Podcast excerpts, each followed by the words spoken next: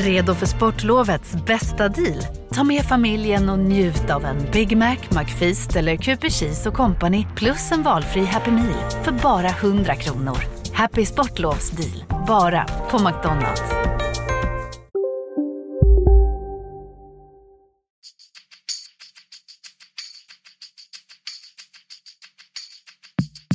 Skönt att komma ut och eh, bara lukta gräset. Så det, är, det är fotboll för mig. Nu är jag här och jag är väldigt glad att uh, kunna spela för det laget som jag har närmast om hjärtat. Om att skapa tro, om att tro på det vi gör, jobba vidare och vi ska vara ute där och ska vi leverera. Och det ska vi ju. Basta.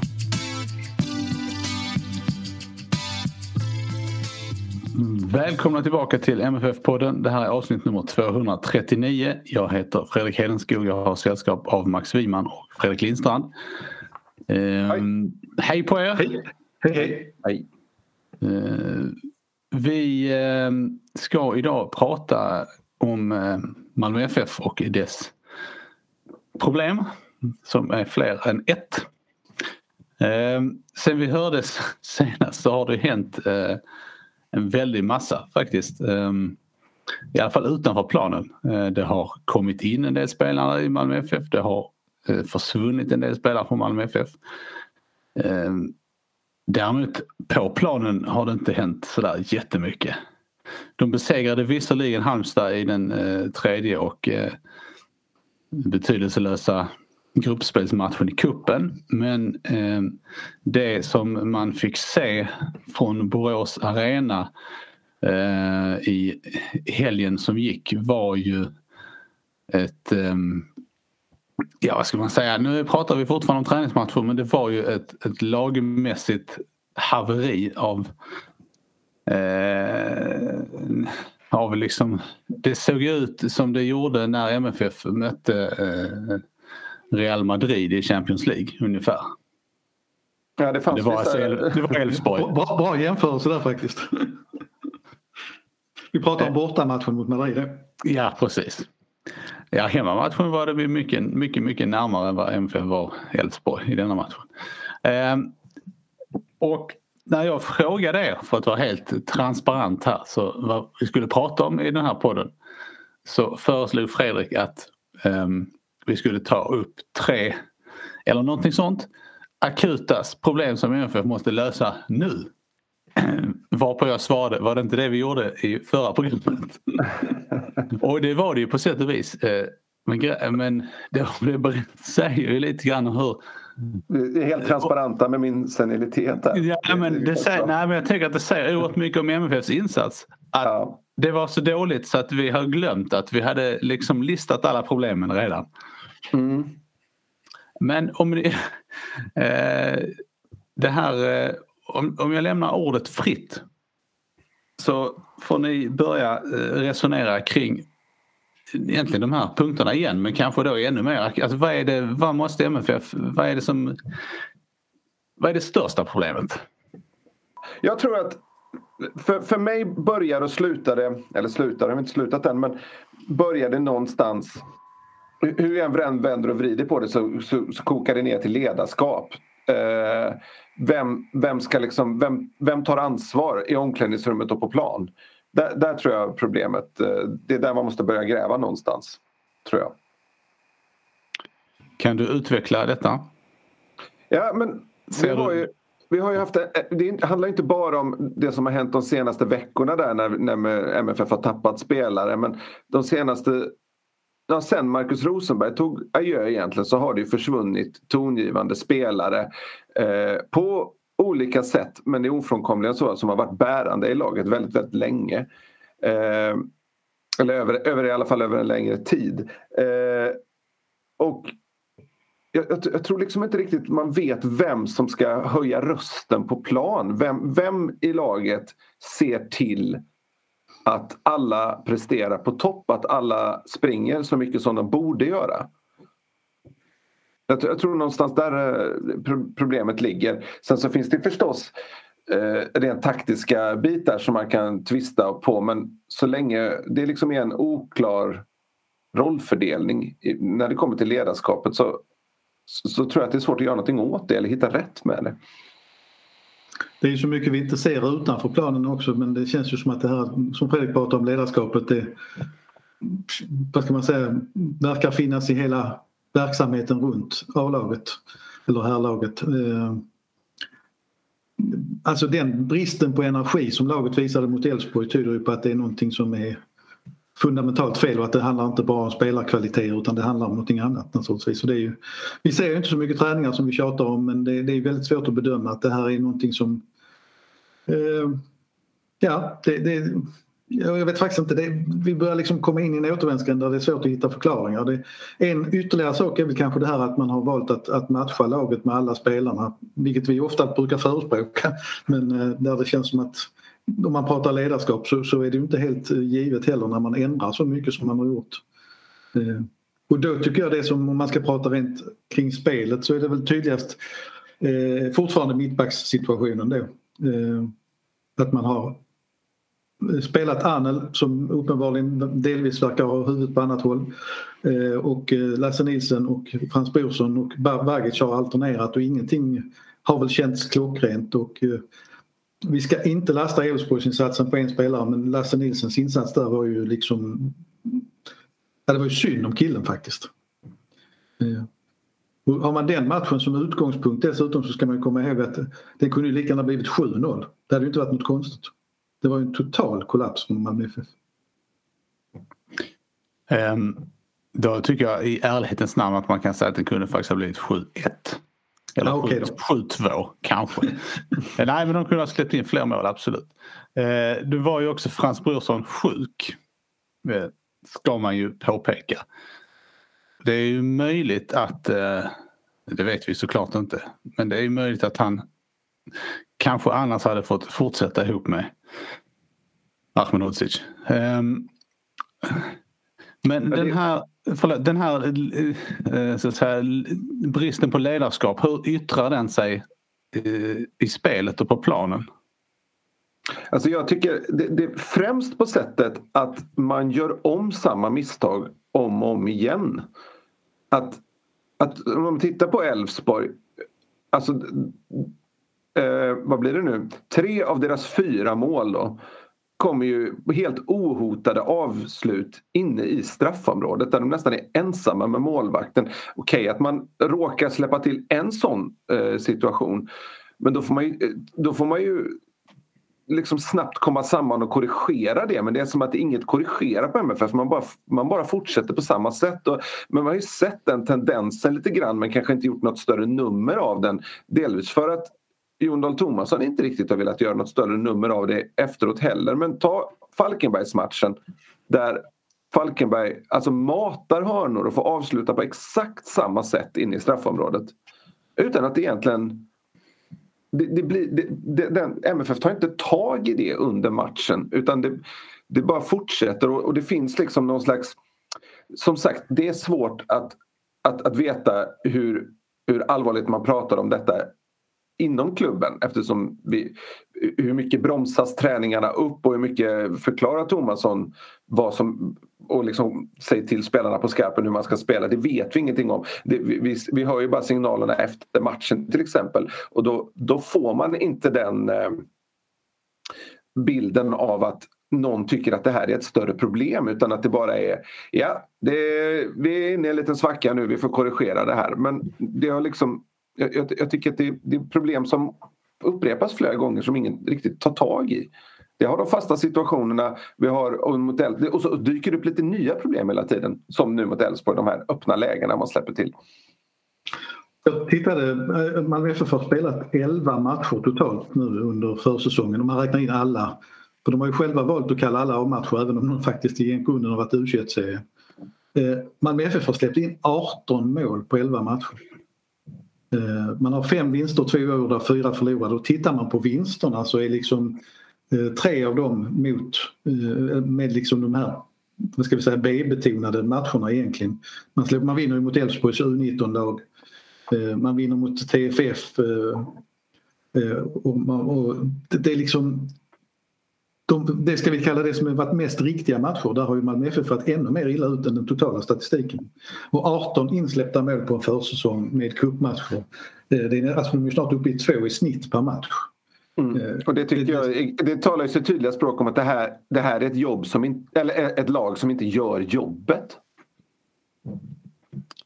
Och det, ja, och det är ju också det, är det här med energin. Alltså frågan är, det är till och med, jag har sett jag har fått mejl och frågor om är det så att eh, spelarna, alltså efter Elfsborgsmatchen då, eh, så att säga försöker få bort Tomasson eller någonting. Liksom, man försöker de inte göra sitt bästa och det, då har det gått ganska långt när man börjar ifrågasätta om spelarna gör sitt bästa. Så långt vill, vill ju definitivt inte jag gå men det är ju någonting som de överpresterar ju inte, det kan vi konstatera. Mm. Men det, det, var, för det var, om man, man ska ju inte... Man, det, är alltid, det är alltid lätt att gå till jämförelsen med 2018 och våren med Magnus Persson där. Det finns ju en del som jag tycker liknar det här. Vi, ska börja med, vi kan ju börja med att titta på skillnaderna. Då, eh, då gick MFF som tåget bland annat så, så dundrade man ju fram till en, en cupfinal på ett övertygande sätt.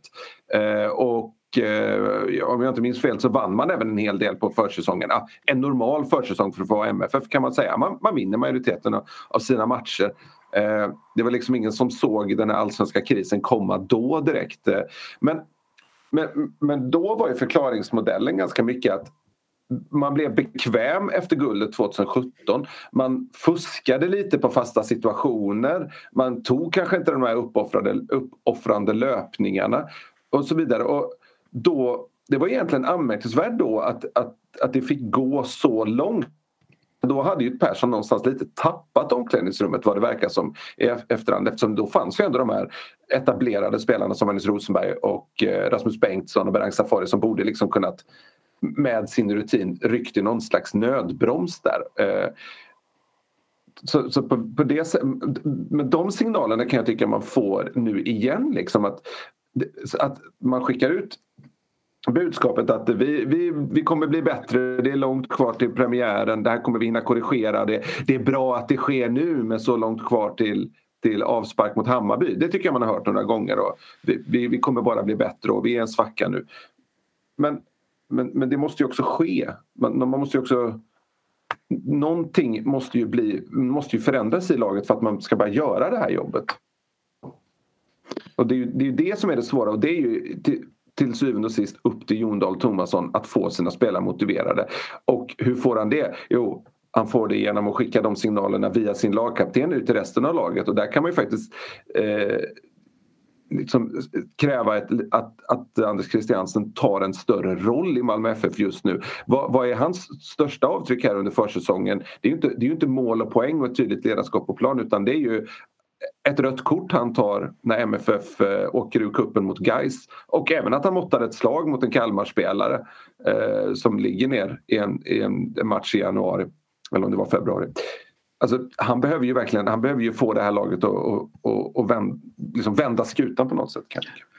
Alltså vi, sist vi pratade så väntade vi ju på en injektion i laget och det kom ju två stycken nu här, vi ska inte glömma det. Det, det kom två spelare in och gjorde debut mot på i olika uppställningar vilket är lite märkligt. Eh, och de, de har spelat 60 minuter var så man vet ju inte vilken påverkan det faktum att det har kommit in ett par nya spelare kommer att ha nu. Det är väl lite tidigt att döma men eh, det är lite oroande att det inte blev någon effekt direkt utan snarare på andra hållet.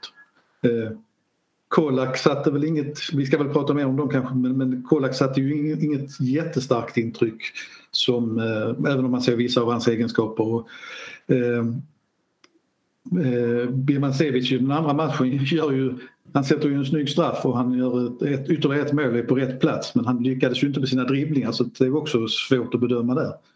Men eh, jag hade, trodde faktiskt att deras närvaro skulle påverka laget mer än vad det faktiskt gjorde. Och därför tycker jag också det var lite olyckligt att de spelade i olika uppställningar. Jag hade velat eh, Samtidigt som jag kan förstå tanken bakom det att Rex skulle komma in och få göra debut eller comeback och Nanasi har gått bra som ung spelare. Eh, det finns ju lite eh, ett par saker där tycker jag. Eh, Rex eh, tillförde ju faktiskt någon form av energi tyckte jag när han kom in. Um, i alla fall en, en, kort, eh, i alla fall en stund innan han möjligen då föll in i den allmänna lunken. Eh, och sen Colak är ju... Eh, han, han syntes inte mycket. Och det känner jag att det, men det kommer ju tillbaka till, till det här med alltså den allmänna eh, inställningen och intensiteten. För han har, har man inga löpningar överhuvudtaget runt sig så är det ju svårt att, att, att bidra. Jag menar inte det som kritik mot honom utan mer egentligen som kritik mot laget. Att ja. Jag trodde att laget skulle lyfta mer av att det faktiskt kom in nya konkurrenter. För vi har pratat om det att det kändes som att, att man behövde nya injektioner i truppen. Och därför blir naturligtvis, vi kan inte skjuta fram som hur länge som helst men därför blir nästa match väldigt intressant att se. För man måste ju se någon form av effekt nu snart. Ja, alltså den väntar man ju på eh, som betraktare. Det har ju, om, man, eh, om man gör undantag för, för Halmstad-matchen, vilket jag tycker att det kan man göra för att det var en tävlingsmatch som inte betyder något för något av lagen. Eh, så har det ju liksom varit en ganska stadigt nedåtgående formkurva. När man eh, normalt sett under en försäsong förväntar sig eh, det motsatta. Eller ja. har jag fel? Alltså det började någonstans med andra halvlek mot Kalmar. Och sen så har det, sen efter det så har det inte varit många positiva signaler som har kommit. Nej, men jag tycker att det är hela tiden de signalerna man har fått. Eh, för, för man kan ju bara prata om signaler eftersom man inte kan se vad, som, vad det tränas på då utan då är det ju vad, vad som kommuniceras utåt och då är det kontentan att det här är ett problem som kommer lösa sig lite av sig självt. Bara, vi, bara, bara man tränar på lite grann och spelarna till matcher så, så blir det bra. För att MFF är MFF och MFF eh, vinner alltid. Det är liksom den bilden som, som ges på något sätt. Sen är det ju klart att eh, en, eh, han, han, kan ju liksom inte vara den som är hela kittet och skillnaden. Men att Oskar, Lewicki saknas fortfarande är ju uppenbart. Och, eh, slutenheten och det här med skador kanske vi, eh, vi kan snart inte fördjupa oss mer i det men det är klart att omgivningen vill väldigt gärna veta hur det står till med Oskar och hur långt borta han är. Det gäller väl även i viss mån Johan Dahlin som man kan ana sig till är väldigt långt borta eftersom han tränar mycket sporadiskt. Men eh, nu har vi inte sett träningar så jag, jag vet inte om Oskar har varit ute på planen ens. Eh, det, det, det, ja, någonstans det handlar detta också om signaler både in i truppen och ut mot omgivningen att, eh, Eh, att, man, att man liksom inte kan förklara bättre och vill förklara bättre vad, vad som faktiskt sker runt laget. Jag tycker det är ett problem.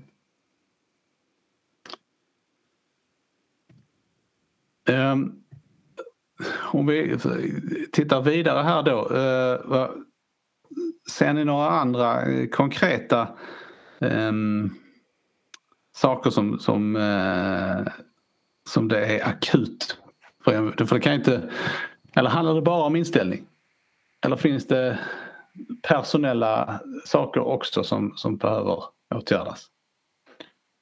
Eh, jag skulle säga att det till 90 procent handlar om, om liksom inställning och, och, tro på vad man gör och lägga ner, lägga ner jobbet helt. Sen så, sen så är det ju, det går inte att komma ifrån. Nu gör ju Marco Johansson en ganska bra match men, eh, trots de insläppta målen. Eh, men att inte ha Johan Dahlin där bak som styr och ställer och framförallt ställer krav på backlinjen.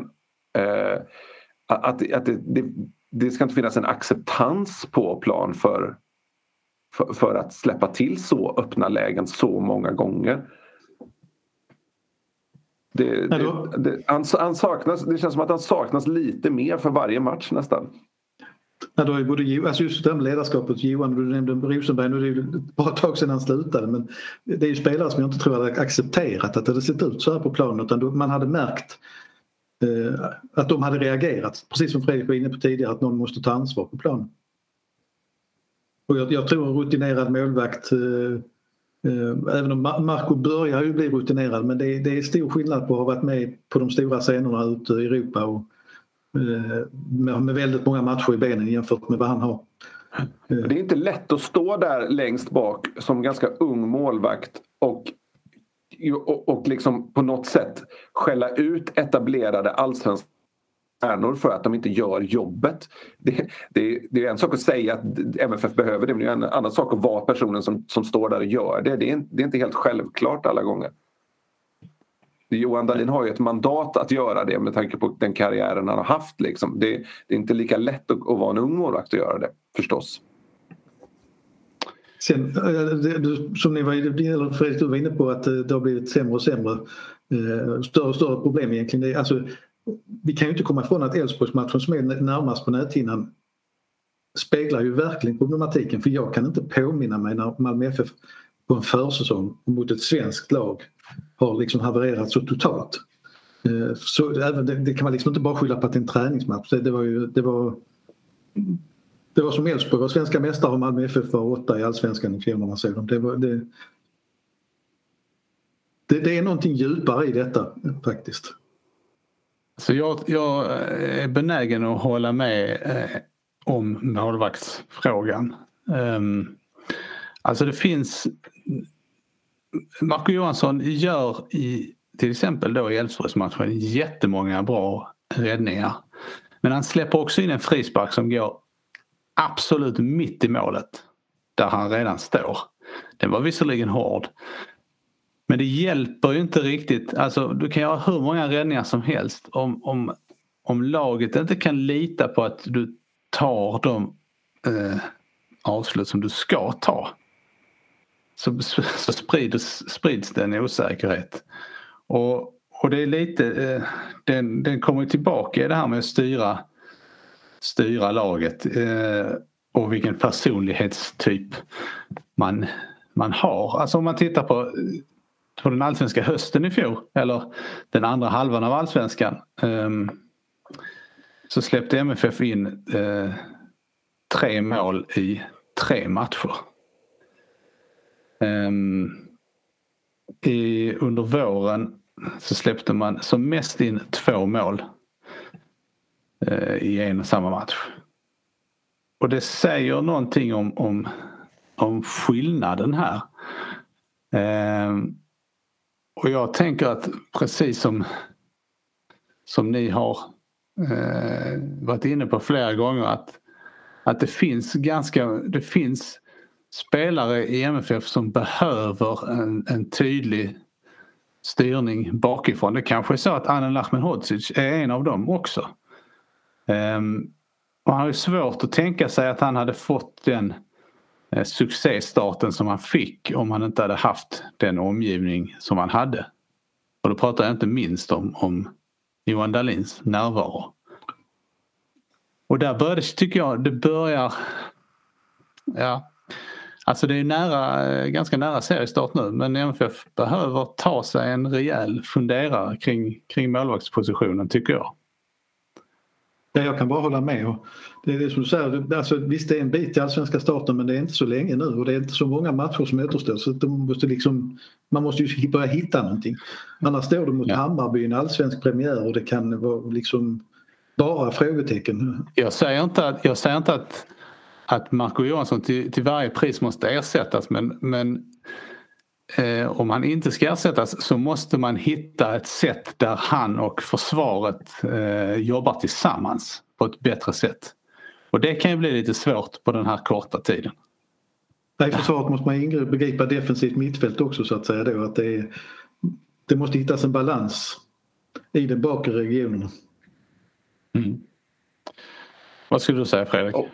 Nej men det, det är ju det, det är liksom som du säger att man måste kunna backa upp sitt ledarskap med att vara felfri själv oftast. Det är det, där någonstans, det måste ju börja där. Och det handlar inte bara om Marco Johansson, det handlar ju om alla. Eh... Ja absolut, målvaktens misstag blir alltid eh, ja, precis. Ja, men tydliga. Ta en sån spelare som både Ola Toivonen och Jo Inge Berget måste man kunna kräva mer av. De ska ju leda laget, det är ju de som de yngre spelarna vänder sig åt när, eh, när, när man har eh, när, när spelare som Traustason, Antonsson, Tellin, eh, Safari, Bengtsson, eh, nu missar jag säkert någon, eh, försvinner. Det är de som ska liksom leda laget och framför allt då Anders Christiansen förstås. Eh, det är ju det är bara, det, det, är dags att skruva upp nu. Man säger att det är långt kvar till den 10 april. Så långt kvar är det inte. Nej, det är, det är den 17 mars när vi pratar här så att eh, det börjar verkligen dra ihop sig. Mm. Um, om man då tittar på eh, de... Och får bara flika, bara flika ja. in en sak och just det här med att att, att, eh, att, att snacket runt MFF blir lite så krisartat. Jag tycker fortfarande det är för tidigt att säga kris. Eh, det, det är ett fiasko att åka ur Svenska cupen förstås men kris blir... Ja, det, det, kan man börja snacka om kanske några omgångar in i Allsvenskan i sådana fall. Men det blir problematiskt för MFF och de sätter sig i en svår position också när de själva, i alla fall när de har en tränare som så ogärna vill ge en djupare analys till, till varför det ser ut som det gör.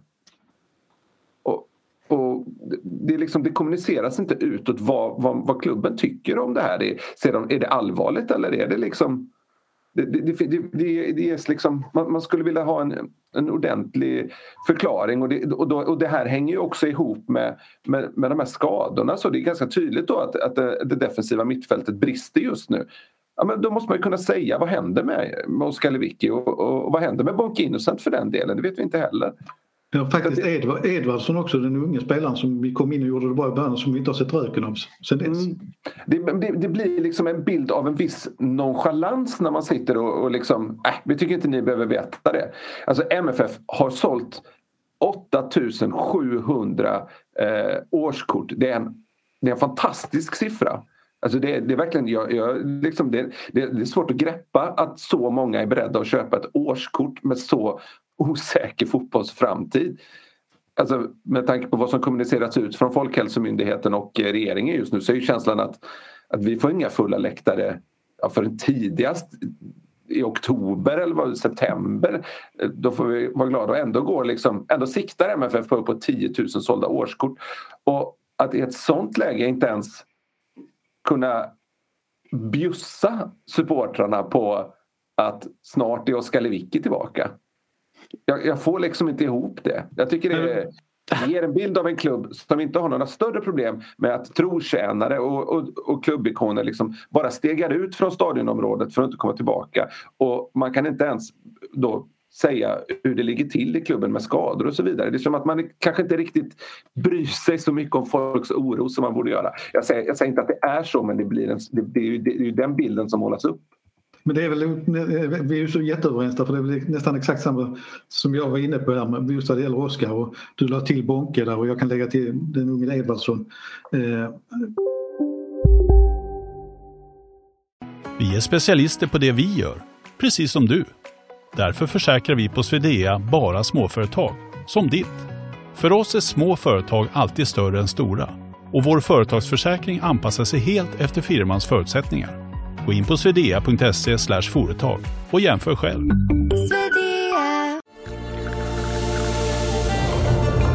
Välkommen till Maccafé på utvalda McDonalds restauranger med Baristakaffe till rimligt pris. Vad sägs om en latte eller cappuccino för bara 35 kronor? Alltid gjorda av våra utbildade baristor.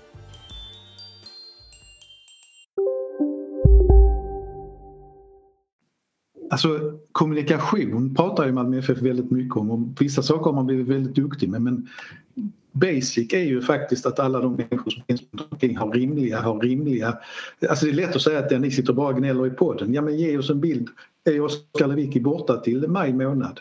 Eh, när Pontus Jansson blev skadad i England så, så, visste man att någon gång framåt slutet av serien så skulle han kunna vara tillbaka. Eh, alltså det gäller ju inte bara oss och det är inte med, vi är inte de viktiga utan det är de viktiga är ju faktiskt supportrarna som, som, som ska kunna följa laget. Eh, och, eh, det, det, det, det, blir väldigt, väldigt märkligt. Alltså är det så att Oskar Lewicki är borta till, fram till sommaren, ja då kan, då kan jag kanske tycka att då måste kanske Malmö FF förstärka på den positionen. Och då kanske det är konstigt att man la pengar på en ytter eh, istället. Att, men vi, vi, vet ju inte och det, det där famlandet tror jag det drabbar många. Och jag tror faktiskt det kan drabba inåt i laget också när det blir för stor osäkerhet. Jag tänkte att vi skulle då eh, gå över att titta på lite, lite mer på individnivå. Eh, närmare bestämt de som är, eh, har kommit respektive gått. Eh, och eftersom vi redan har varit inne på Antonio Colak så tänker jag att vi börjar där. Ehm, Fredrik kunde man, kan man dra eh, några slutsatser av eh, den, eh, de 60 minuterna som man fick se mot Elfsborg från hans sida. Jag tyckte det syntes att det var en spelare som inte hade spelat på några månader. Eh, och dessutom hamnat i en ny omgivning på ett underlag han väl sa att han inte hade spelat på sedan han var liten. Det, är liksom, det, det, det var inte förutsättningar för att göra en, ett, en drömdebut så att säga. Och jag tror säkert att det kan bli bra men jag, jag, tror nu, som det är nu så tror jag det hänger mycket mer på laget om Colak ska göra succé än, än på honom själv och hans egenskaper och att han själv ska upp i prestation så att säga. Det, det är liksom upp till MFF i stort att få, att få det här att funka. Ja, men det stämmer, det är väl ganska... Alltså det, det är ju säkert en, det är en duktig spelare men så, det är inte så att han ensam lyfter ett lag. Men i, i ett bra lag så kan hans kvaliteter säkert komma till sin rätt. Men fick, man fick ju inte se någonting av det. Och det måste ha varit en ganska märklig situation för framförallt honom. Eh, av de här två nya, att komma in i det här liksom mästarlaget som ska kvala till Champions League och inte hittar något eget spel och där han har ganska få bollkontakter. Det är väl kanske inte riktigt det han väntade sig. Um, hur, men om, om man äh, återigen med äh, den, äh, det förbehållet att äh, laget som helhet svarade för en bedrövlig insats. Kan man... Gick ja, vi, har, vi, vi har väl etablerat det nu. Gick det, gick det att se någonting av hans... Alltså vilken sorts spelare, och man, kan man jäm, går det att göra jämförelser med Thelin baserat på de här 60 minuterna? Eller vi behöver lite större urval. Vi får nog återkomma efter Örebro-matcherna här. Mm.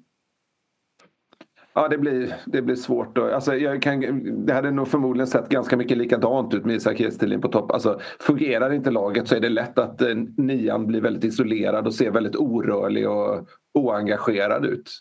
Det, han jobbar säkert jättehårt men om, om ingen annan gör jobbet runt omkring så blir det ja, som sagt då blir man isolerad. Eh, däremot får man säga att han har en av allsvenskans tajtaste frisyrer. Ja det är Giroud-klass. Eh, jag tror, tror att det var kollega Kent Lejon Jönsson som, som liknade honom vid Giroud först och det känns ändå ja, utseendemässigt känns det faktiskt på pricken. Var, vi nöjer oss med det så länge. Det är Kent Lejon Jönssons bästa insats i år. um, Velko Birmancevic spelade ju då i den eh, andra uh, elvan uh, och gjorde som Max tidigare sa två mål där.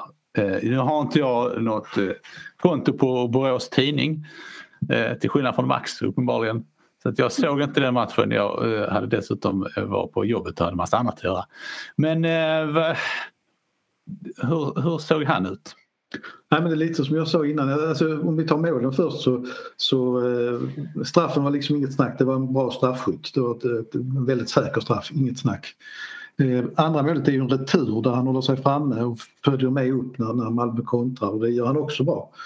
Eh, sen om jag ska vara snäll då så tycker jag man såg intentioner, han ville vara aktiv på sin kant, han ville utmana.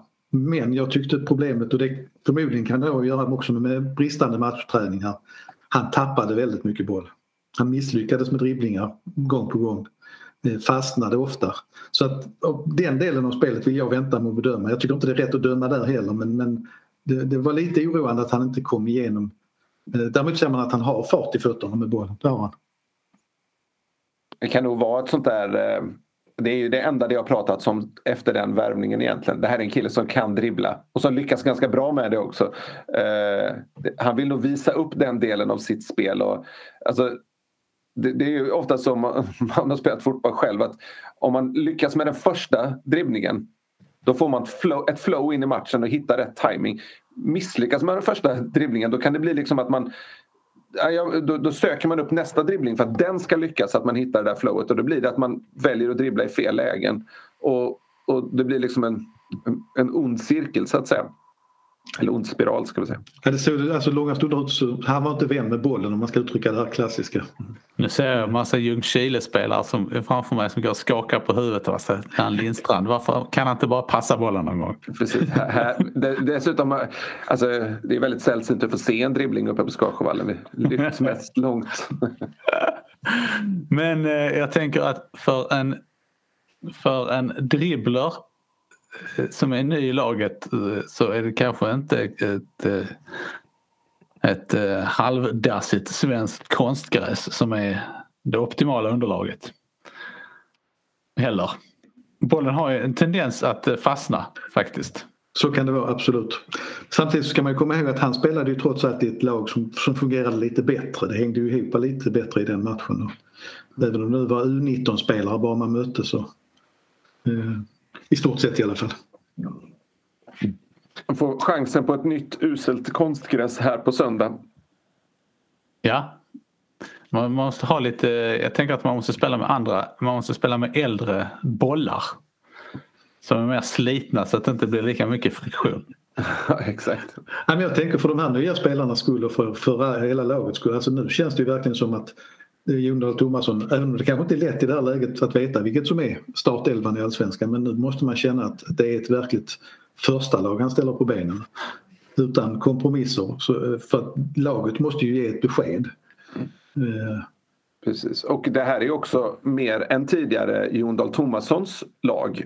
Nu har ju många av de här eh, som vi har varit inne på flera gånger här i podden tidigare. Det är ju väldigt många av, av det gamla MFF om vi får uttrycka det så som har, har, lämnat nu. Antingen förra säsongen eller denna säsongen. Nu eh, spelare som har varit utanför Tomassons elva till stor del. Nu, nu har han ju fått plocka in spelare och har fått ett år på sig att forma det här laget. Nu, nu, nu är det ju nu, nu, måste man ju se tydliga, result, liksom tydliga steg framåt. Där. Nu, nu måste de ju få ett, en positiv reaktion på det här. Där hans, där hans filosofi verkligen betalar av sig i mål och poäng. Och vi får ju väl poängtera här, eller poäng, det får man ju inte i träningsmatchen. Men eh, vi får väl poängtera här att det är på inget sätt är kört än så länge.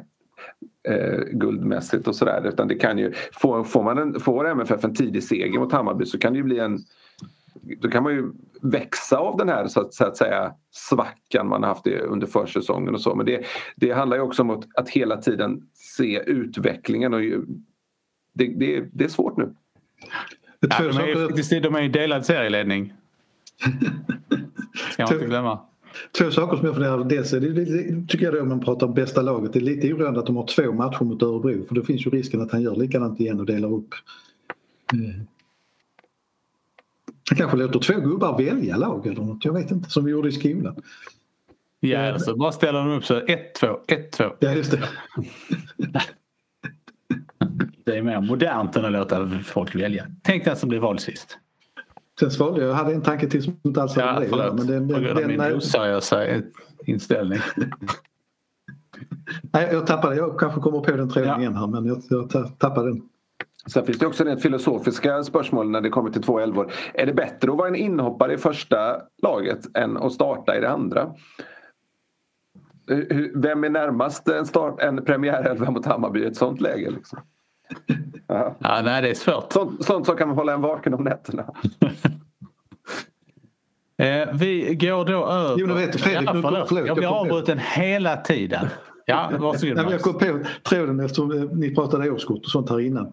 Eh, jag tror vi har nämnt i någon av de tidigare avsnitten av podden nu i vinter men, men eh, jag tror att i det här läget Malmö FF är nu så hade de behövt publiken ännu mer än, än någon gång i fjol. Där, där, där allting rullade på och så vidare och det, ja, alla kom snabbt in i den där lunken men är det någonting som kan sätta fart på spelare i Malmö FF och hela vad ska man säga, inställningen och känslan så är det ju publiken. Och det är ju inte alls aktuellt nu det är, men det är bara en reflektion att den hade behövts denna gången. Ja det kan ju bli en hundra åskådare något sånt. Ja, men jag, jag tror vi ska ligga väldigt lågt med alla förväntningar och inse var vi befinner oss i, i pandemin och att det fortfarande finns andra saker som är mycket viktiga. Kan vi gå vidare nu? Ja, Nej, kan vi gå vidare. Nej, Fredrik hade en grej till.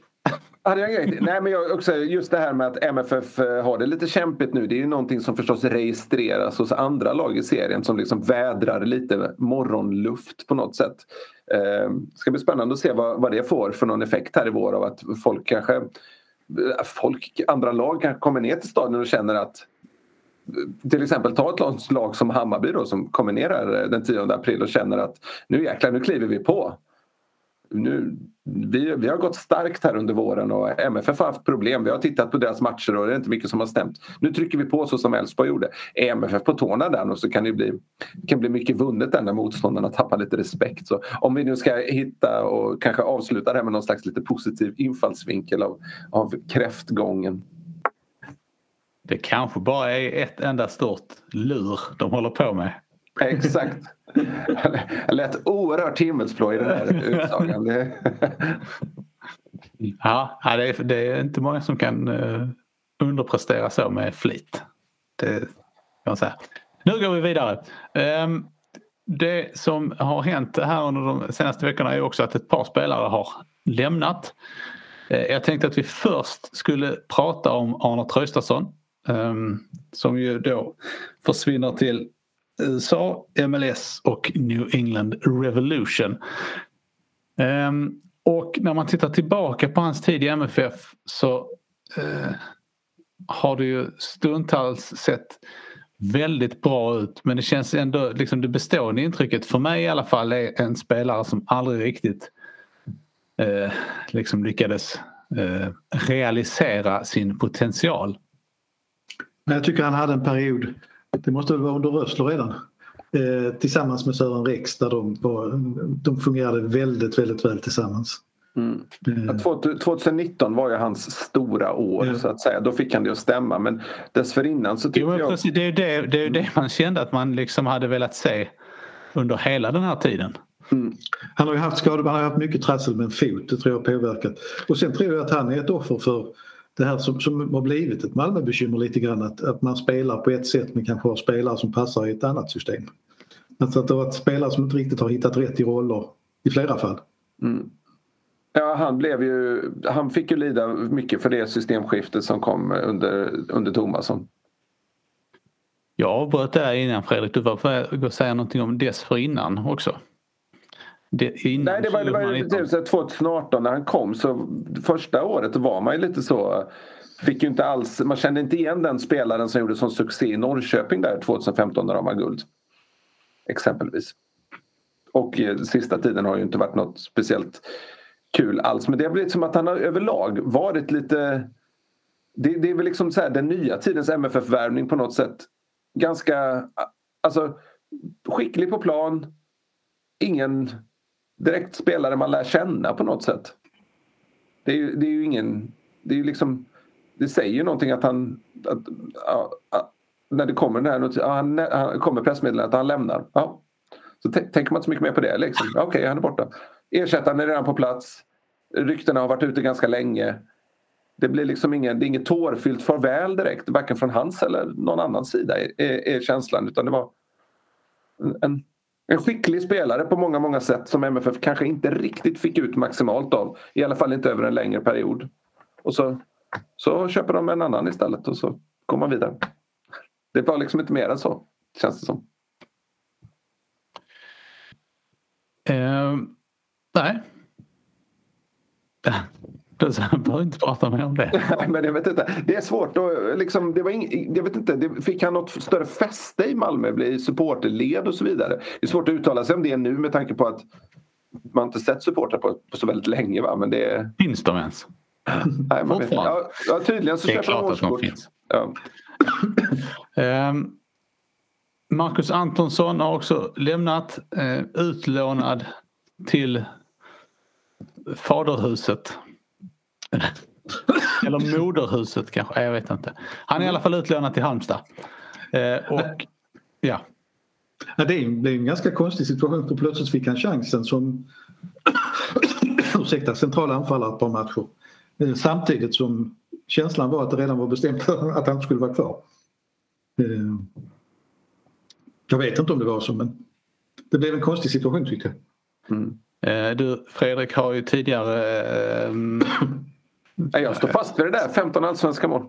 Ja, ja det kan han absolut göra i Halmstad istället. Ja. Men du har, du har ju tidigare pratat om honom som ett, lite grann ett offer för, för systemet och för spelprinciperna. Är det fortfarande...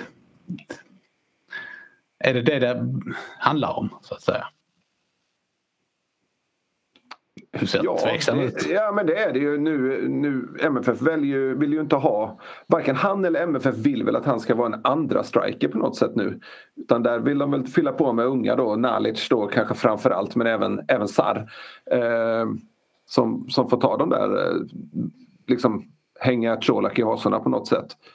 Eh, och för Antonsson blir det väl perfekt att komma till Halmstad där han kan vara en av två där framme och det kanske blir helt rätt att spela med Mikael Boman där uppe på topp. Få någon som skarvar i djuplet och man kan löpa och sätta dit dem. Ja, alltså man kan väl säga att hade, hade MFF eh, spelat eh, på det vis som man gör nu eh, så hade man väl kanske aldrig eh, värvat Marcus Antonsson från början. Nej, det, det tror jag man kan slå fast. Mm. Däremot så kan man ju konstatera då när du pratade personligheter Fredrik och du har väl rätt eh, att Traustason kanske var svår att komma in på livet och komma närmare. Eh, Antonsson, väldigt öppenhjärtig person och jag har sagt det tidigare här, det är en sån man saknar. Eh, som alltid eh, sa, sa någonting vid staketet, alltid mossade. Eh, väldigt jordnära och ödmjuk person som jag verkligen önskar all lycka och tycker inte han ska sitta och... Han är för duktig spelare för att sitta i någon sorts frysbox. Eh, men det är mm. synd att han inte kunde fortsätta succén han hade i MFF. Och anledningarna till det, hur mycket det är hans egen form och andra omständigheter, det är jättesvårt att säga. Men jag, jag tror det är skönt för honom att han får, kommer till lag där han säkert får spela. Och eh, det som kan ske i MFF-truppen nu också är ju naturligtvis att man då det försvinner ett par av de här spelarna som kanske då ändå har hängt en del med huvudet och inte känt sig riktigt nära spel. Även om jag har svårt att se Antonsson som den typen så, så märks det nog ändå. Och det, det mår ju inte heller ett omklädningsrum bra av att ha för många spelare som kanske ger upp lite grann om man ska uttrycka det så. Det, en gamla, tid, gamla tidens fotbollsspelare på något sätt rent hur, hur han är utanför plan på något sätt. Ja, ja han är ju en underbar människa att, att, att samtala med om allt möjligt. Låter det lite mellan raderna här som att ni säger att eh, han inte riktigt passar in i eh, MFF-mallen? Eller är det bara jag som är konspiratorisk nu? Nej, jag vill betona faktiskt att det är fler. Det är, det är inte så att det är, det, det, är fler killar både nu och som tidigare naturligtvis har varit bjudit på sig själv och man, vi kan stå och prata om allt möjligt. Det, man ska inte dra det över en kam. Det är absolut inte så jag menar men, men det, finns, det finns en naturlig öppenhet hos honom som gör att eh, hade jag spelat i laget så hade jag varit glad av att ha sådana personligheter. Det finns också en, en aspekt av att när det är inte så att han tycker att vi är fantastiska människor som han eh, gärna vill bli kompis med utan det handlar ju också om att han är så pass professionell för det, det tycker jag genomsyrat honom på något sätt. Han har stått utanför eh, men han har, han har inte klagat, han har inte liksom uttryckt sig respektlöst på något sätt annat än att bara berätta om sina känslor i att stå utanför laget och det, det måste man ju alltid respektera. Liksom. Men han har ju också förstått det här att när han pratar med oss så pratar han ju med supportrarna via oss. Det är inte vi som är supportrarna vill jag poängtera. Nej, men att, att det liksom, den, den bilden han ger oss och det han säger till oss förmedlar vi vidare och det, och det, det representerar ju Malmö FF i stort också. Det, kan, det finns en, han har ju liksom förstått det spelet på något sätt. Att, att, att, att vara öppen efter en förlust med vad han känner och vad han tycker och, och, att kunna liksom stanna, stanna till och ge en lite djupare analys av läget i klubben. Det, det är ju gott för klubben istället för att man bara, som jag upplever att MFF har gått åt det hållet, att man liksom inte vill bjussa på någon förklaring utan den, inter- analysen om varför det har gått som det gått, den håller vi internt. Liksom.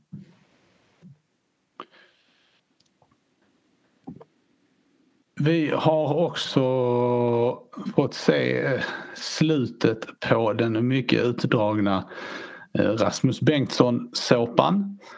Ehm, Max, kan du eh, sätta en, eh, en rosett på det paketet? Nej, det men hur ska man sammanfatta allt detta? Att det eh, fruktansvärt onödigt och märkligt att det ska behöva bli en sån här historia kring en, en stor spelare i klubben. Och, eh, oavsett att det aldrig är ens fel att två träter så, så har Malmö FF på något sätt hamnat i en, en limbo här som, som inte har varit bra för klubben. Och, eh, eh inte bra utåt gentemot supportrar och framförallt inte i ett läge då dessutom det har varit mycket diskussioner hur väl mittbackar faktiskt har presterat. De fick mycket hyllningar i fjol med, med, med viss rätt men, men det är inte så att Lasse Nilsson och Frans Brorsson har blivit några fenomen över en sommar och en höst. Eh, sen finns det som sagt massa annat bakom men det, det är en, jag hoppas att MFF tar någon sorts lärdom av den historien och i viss mån även Brang Safari-historien. Kommunikationen mellan sportchef och tränare, vi vet inte mycket om den men det kanske måste vara tydligare och bättre. Och, eh, ja, man ska inte behöva hamna i den här situationen och då, då, i så fall borde det här lösts redan i somras om det var så tydligt att Thomasson inte tänkte använda dem. Jag tycker inte det, det är faktiskt inte värdet, det är det inte. Eh, Fredrik, tror du att, eh, att Rasmus Bengtssons karriär kommer att fortsätta?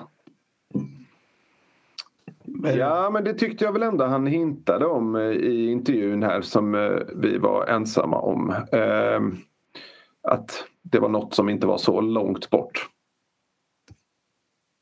Men inte i Allsvenskan? Nej, Om man förstår det, hela rätt. den dörren stängde han ju och man ska väl aldrig säga aldrig. Liksom, konstigare saker har ju skett men eh, det, det, det känns lite häftigt att... Eller inte att i Sverige sa han väl till och med, kanske. Nej precis, Nej, men det känns ju inte att han skulle gå ner en division, det vet, det vet fan. Men sen så det är också en, en chansning för en, en klubb. Det är en spelare som opererade sig i, i, i början av förra sommaren och inte har spelat alls sen dess. Det, det finns ju osäkerhet kring hans status helt klart. Ja, en olycklig omständighet för honom nu är ju att nästan alla fönster är stängda dessutom. Alltså Danmark hade ju känts som ett rimligt alternativ eh, men där är ju stängt. Det är ju Norge och USA USA känns ju inte så otroligt om jag uttrycker det så.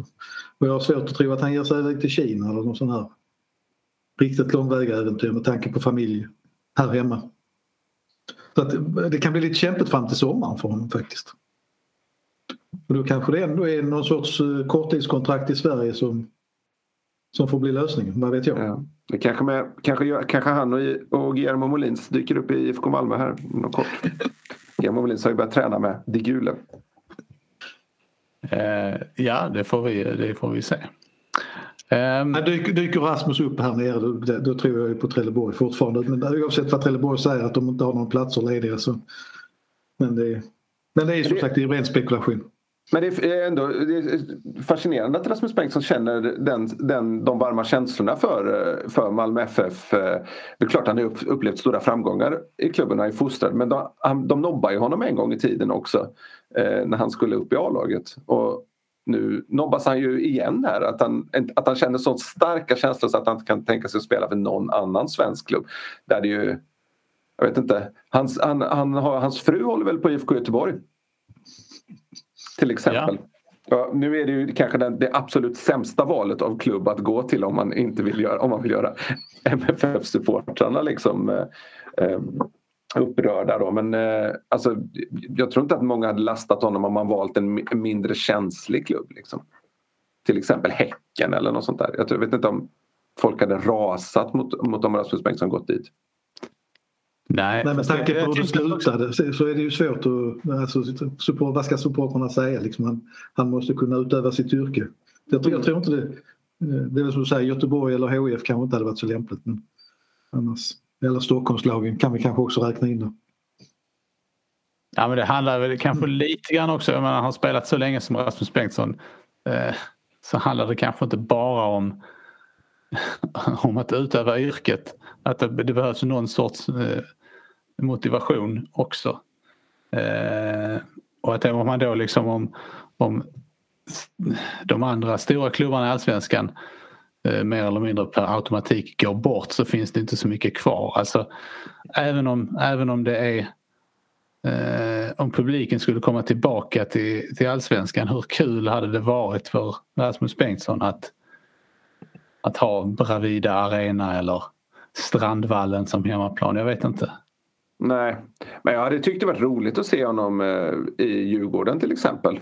Man kunnat behövt styrka upp i den positionen. Det hade ju piggat upp i serien och skruvat upp tempen. Liksom, att eh, Rasmus Bengtsson liksom stark förstärkning i, i, till en guldutmanare. Liksom. Det hade varit roligt. Vi kan notera att just idag är det, när vi spelar in detta onsdag så eh, är det 14 dagar kvar till fönstret även i Sverige stänger. Så det börjar liksom brinna i knutarna och samma sak gäller för Norge. Eh, nu har vi pratat eh, nästan en timme här om Malmö FFs eh, bekymmer. Vi kommer att återkomma efter eh, matcherna mot Örebro. Hur tongångarna lyder då, det beror ju mycket på hur insatsen ser ut. Um, tills dess så har detta varit avsnitt nummer 239 av MFF-podden där vi anser att konstgräs ska förbjudas i svensk elitfotboll. Jag heter Fredrik Hedenskog, jag har sällskap av Max Wiman och Fredrik Lindstrand och ansvarig utgivare är Jonas Kanje. Tack för oss, hej hej! Hej hej! hej då.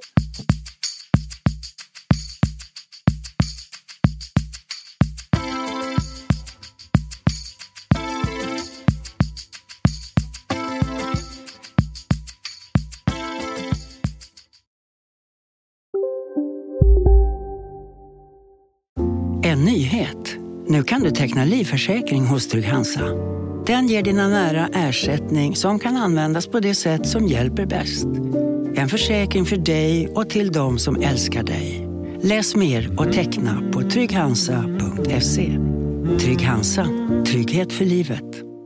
Hej, Susanne Axel här. När du gör som jag och listar dig på en av Krys vårdcentraler får du en fast läkarkontakt som kan din sjukdomshistoria. Du får träffa erfarna specialister, tillgång till lättakuten och så kan du chatta med vårdpersonalen. Så gör ditt viktigaste val idag, lista dig hos Kry.